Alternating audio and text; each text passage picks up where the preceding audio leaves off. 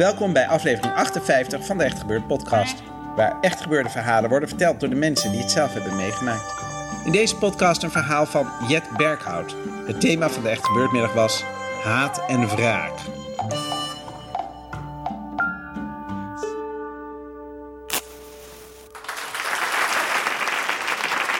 Um, ik ben eigenlijk niet zo uh, haatdragend.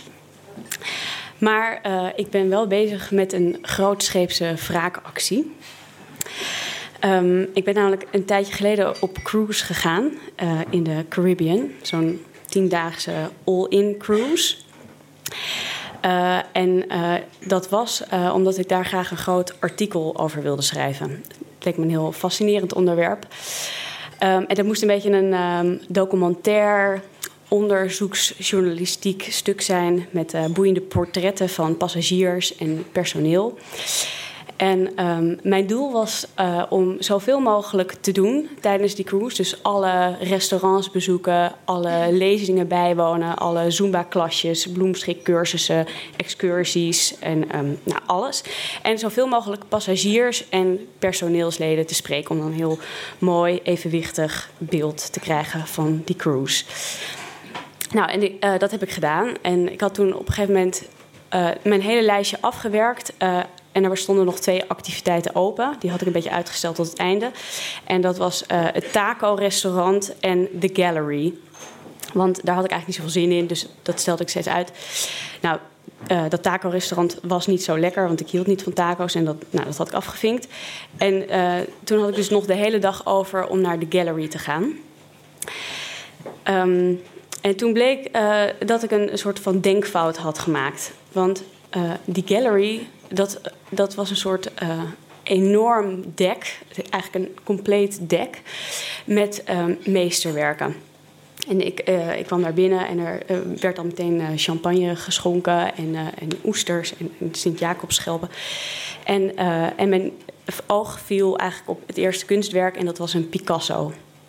En uh, toen ging Picasso, Picasso. Uh, we, we, voeren op de Caribbean. Dus ik, uh, maar toen dacht ik, nou, dat zal wel een reproductie zijn. Maar er stond 100.000 dollar onder. En toen zag ik een Chagall en een Renoir en een Kandinsky.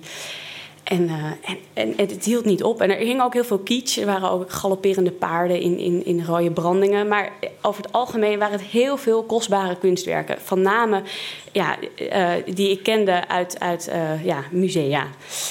En ik snapte het niet. Ik dacht, hoe kan ik dit nou hebben gemist? Dat ligt aan mij, want ik ben alleen maar naar, naar bloemschik en zumba dingen. En um, dus ik dacht, ik moet zo snel mogelijk achterkomen wat, hier, wat, wat dit is. Dus um, toen ben ik uh, naar uh, de veilingmeester gegaan. Er zou die middag een veiling zijn. Dus toen dacht ik, oh, dan heb, kan ik dat meteen bijwonen. En um, dat was uh, Rachel. Dus toen zei ik, goh, Rachel, ik ben hier om een artikel uit te schrijven. en ik, ik, wist eigenlijk niet dat dit zo'n zo'n ding was. Want er waren ook heel veel mensen. En mensen die ook serieus keken naar die werken om het aan te schaffen. En um, ze zei, oh wat leuk, wat leuk dat je schrijft. Uh, ik ben ook bezig aan een boek uh, over het leven als personeelslid aan boord. En uh, nee, ik, ik, kan je daar alles van vertellen. Weet je wat, ik, ik neem je mee en ik leid je rond. En zij was super charmant. en ze praten heel bevlogen over kunst. Zoals kunsthistorica uit Canada. Mooie rossig krullend haar, mooie jurk. En... Um, toen, toen vertelde ze mij dat, dat uh, ja, kunst uh, aan boord van de Princess Float, want dat was met Princess Cruises waarmee ik ging, dat dat een hele belangrijke tak was. En dat was enerzijds een prestige kwestie, want dat gaf hun iets meer cachet dan alle andere Amerikaanse Disney-achtige cruises. Um, en anderzijds was het een heel slim lokkertje, want het bleek dus dat als je op zee dus kunst verkoopt, dan zit je dus niet met belastingwetten en dan kan je ook hele lage uh, provisie afsluiten. Dus eigenlijk een belastingparadijs om kunst aan te schaffen. En ze, dus de kunst aan boord van Princess was echt de helft of minder.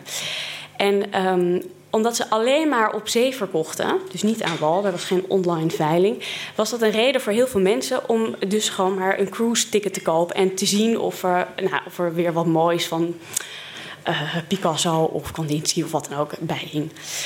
Um, En als die mensen dan eenmaal aan boord waren, dan maakte Princess dan weer winst op uh, excursies en alcohol en het casino. Want daar gingen ze dan ook heen. En dat was dan hun winstmarge. Super slim. En um, toen, toen, zei, toen zei ik, maar zijn dat dan allemaal kunsthandelaars die hier rondlopen? Of, wat, het lijkt echt te mooi om waar te zijn. Zei, nee, dat zijn gewoon uh, ja, particuliere verzamelaars. En ze zei, ja, ik, ik val er zelf ook heel vaak aan ten prooi. Uh, ja, het is zo te gek en eigenlijk mijn hele salaris gaat hier aan op. En uh, zei ik, wat doe je er dan mee? Hang je dat dan op? Of uh, hoe, hoe gaat dat? Ik had, ja, dit was, deze hele discipline was nieuw. Dus ja, dan, wat ik dan doe, uh, dan koop ik kunst en dan hang ik het thuis op als ik dan aan wal ben. En dan nodig ik uh, goede vrienden uit. En dan hebben we lekkere rode wijn en, uh, en brokkelende schimmelkaas. En dan hebben we een kunstavond. En dan gaan we daar met z'n allen naar kijken. En dan zeggen we tegen elkaar wat we zien. En dat, dat, dat, dat klonk heel tof, vond ik. En ik zag, dat leek me ook heel tof. Maar goed, ja, ik had geen ton. Dus ik. en. Um, toen zei ze, maar weet je wat, uh, uh, laten, we, laten we vanavond uh, cocktails gaan drinken. Want dan ga ik jou vertellen over het leven als persoon. Dan ga jij vertellen over je leven als nou ja, documentaire artikelenschrijfster. En, nou, dus we hadden een, een, een afspraak die avond. En het leek net alsof... Soms voel je dat bij mensen dat je denkt, nou, dit is echt ja, een hele, een hele bijzondere vriendschap die hier ontstaat. Dat je echt voelt dat het ontstaat. En, en uh, met de, ja, het verwachtingspatroon van de toekomst. Dat je later denkt van... oh ja, nee, maar toen was ik 18 en toen kende ik Rachel nog niet. en um, we liepen door die gallery. En uh, ik viel van de ene verbazing in de andere. Het was allemaal kunst. Heel veel moderne kunst. Maar toen ging we op een gegeven moment de hoek om. En toen stokte mijn adem. Want uh, wat hing daar? Een Rembrandt. Het was een hele kleine, het was zo'n ets uh, formaat aanzichtkaart. Maar uh, ja, heel duidelijk Rembrandt, want ik kende hem uit het Rijksmuseum, waar ik toen ooit met school naar een tentoonstelling was geweest. Dus ik zei: Rachel, is dit is this a real uh, Rem Rembrandt? En dan zegt hij, ja, ja, ja. Ik ben net uit de inboedel opgekocht. En uh, ja, ik verwacht er heel veel van vanmiddag op de veiling. Want het is, hij kostte 15.000 euro. Een schijntje. Ja, ik dacht dat die dingen altijd een miljoen kosten. Maar goed, etsen heb je dan in allemaal soorten en maten. En dit was dan... Ja, weliswaar een hele goede, een eerste staat. Dat, dat was dan blijkbaar, dat legden ze me uit, dat dat de allereerste afdruk was. Ik wist niet precies hoe het zat. En uh, ik keek wat dichterbij en er stond ook Rembrandt Leiden 1663. En het leek toen net. Nou, je moet je voorstellen, ik zat dus op de Caribbean en het was heel warm. En er waren alleen maar hele dikke Amerikanen op badslippers met baseballpetjes en een hamburgerlucht. En ineens zag ik Leiden 1664. En het was net alsof Rembrandt postuum naar me riep: Red me, red me, red me.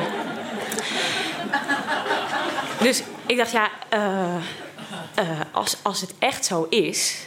Maar ja, Rachel, ja, uh, Canadese dan heb je denk je ook nog Canada betrouwen. Uh, ze zal wel de waar. Uh, ja, dit, en bovendien 15.000 euro, dat is, dat, is, dat is natuurlijk gewoon sowieso een goede koop.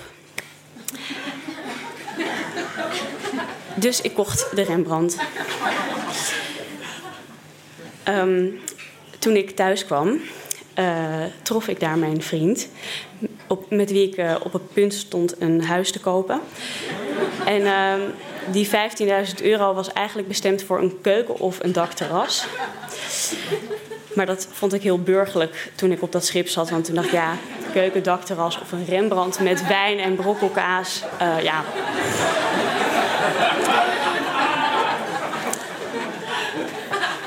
En uh, mijn vriend die had uh, even gegoogeld. Princess Art Gallery. Er was, oh ja, dat is misschien goed om te weten. Er was geen internet aan boord. Dus. Uh, nou ja, en er waren inderdaad heel veel fora met gedupeerde princess kunstkopers. Maar ja, uh, er zijn ook fora met mensen die gedupeerd zijn door de HEMA, dacht ik. En weet je, iedereen, de, mensen die op fora gaan zitten, die zijn sowieso die zijn zuur en gefrustreerd en haatdragend. Ben ik niet. Ik had Rachel en ik wist zeker, het is een eerste, eerste staat, ik had een certificaat. Uh, ik moest alleen even wachten tot hij verscheept werd. En, uh, maar ik wist zeker, dit, ik, we hebben, waarschijnlijk hebben we, gewoon, kunnen we nu upgraden van, van zeg maar Bos en Lommer naar de grachten. Dat, dat dacht ik. En, um, maar goed, toen kwam hij en om mijn vriend gerust te stellen zijn we naar een taxateur gegaan um, op de hoek van de Spiegelstraat in de Stadhouderskade. Uh, meneer Douwes, een ontzettend aardige, uh, welbespraakte man. En we kregen roomboterkoekjes en thee. En toen heeft hij in hele, hele subtiele diplomatieke bewoordingen verteld dat de sierlijst meer waard was dan de ads. Het was inmiddels twee maanden later en ik had geen uh, contact met Rachel, want zij had natuurlijk ook geen internet aan boord. En ik overwoog uh, mijn wraak.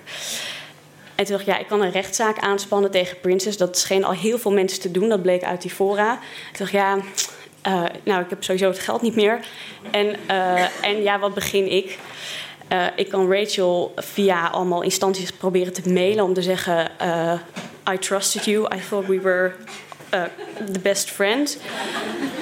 Um, toen dacht ik: nee, ik ga grootscheeps wraak nemen.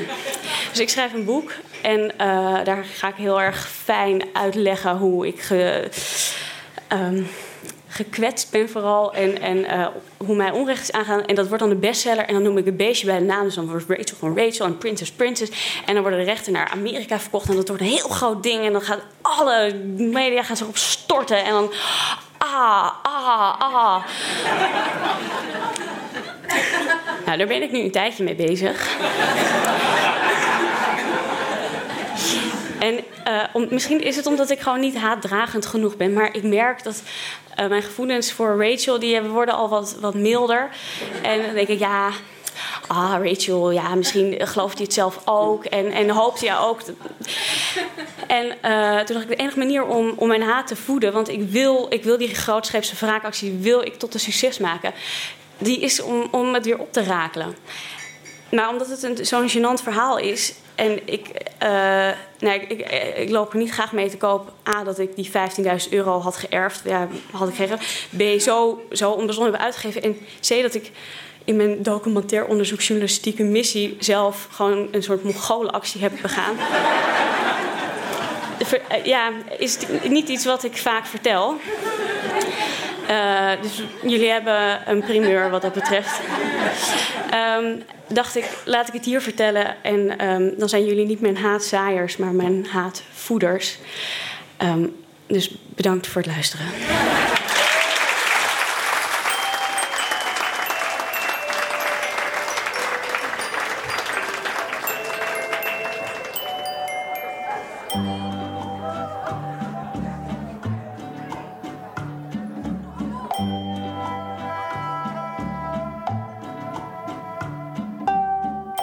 Dat was Jet Berghout. Haar debuut, De Thuishulp, ligt nu in de winkel. Meer informatie daarover is te vinden op www.jetberghout.nl. Echt gebeurd wordt iedere derde zondagmiddag van de maand opgenomen in Toemler onder het Hilton Hotel in Amsterdam. Heeft u zelf een bijzonder verhaal te vertellen of wilt u er gewoon een keertje bij zijn?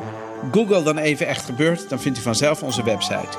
Bovendien is Echt Gebeurd ook te vinden op Facebook en Twitter. 17 november is er weer een Echt Gebeurd, dan met als thema kogels. De redactie van Echt Gebeurd bestaat uit Eva Maria Staal, Paulien Cornelissen, Rosa van Dijk, Eva Zwaving en mijzelf, Nige Wertheim. De techniek is een handen van Vrijman en Vrijland. Echt Gebeurd komt tot stand met ondersteuning van Comedy Train. Dit was de 58e podcast van Echt Gebeurd. Bedankt voor het luisteren en tot de volgende podcast. En vergeet niet het bonnetje en het wisselgeld. Dat herinner ik mij dan weer van de tijd dat ik in de thuiszorg werkte.